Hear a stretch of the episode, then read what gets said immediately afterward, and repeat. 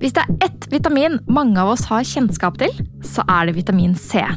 Men vet du egentlig hvorfor du trenger det? Det vil jeg fortelle litt om i denne ukas Emilie tipser. C-vitamin har mange kule oppgaver i kroppen vår, og jeg har valgt ut noen av dem å fortelle om her i dag.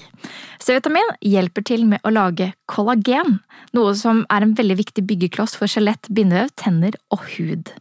Den fungerer også som en antioksidant som beskytter cellene våre mot skade. Den er også med på å lage nevrotransmitter i hjernen, som dopamin og noradrenalin. Dopamin har dere kanskje hørt om, det er den som gjør at vi føler en form for lykke. Så nok vitamin C er faktisk veldig viktig. Vitamin C tar også ansvar for å hente inn jern fra maten vi spiser. Og vi jenter kan ofte få mangel på jern fordi jo, naturen har bestemt at vi skal blø hver eneste måned. Men heldigvis da kan vitamin C til måltidet bidra til å hente inn mer jern fra maten.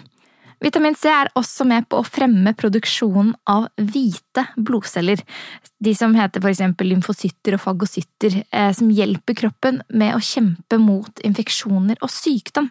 Det er derfor du kanskje vet at dette her vitaminet er bra for immunforsvaret. Og likevel så er det ett prinsipp som er veldig viktig å huske, og det er at C-vitamin er vannløselig, noe som gjør at vi tisser ut det vi ikke trenger. Det er derfor det ikke er helt sånn hensiktsmessig å ta tilskudd, for det er nemlig veldig, veldig lett å dekke behovet vårt for vitamin C via mat. Vi trenger 75 milligram vitamin C hver dag, og én appelsin dekker dette behovet. Generelt er frukt og grønnsaker veldig gode kilder til vitamin C.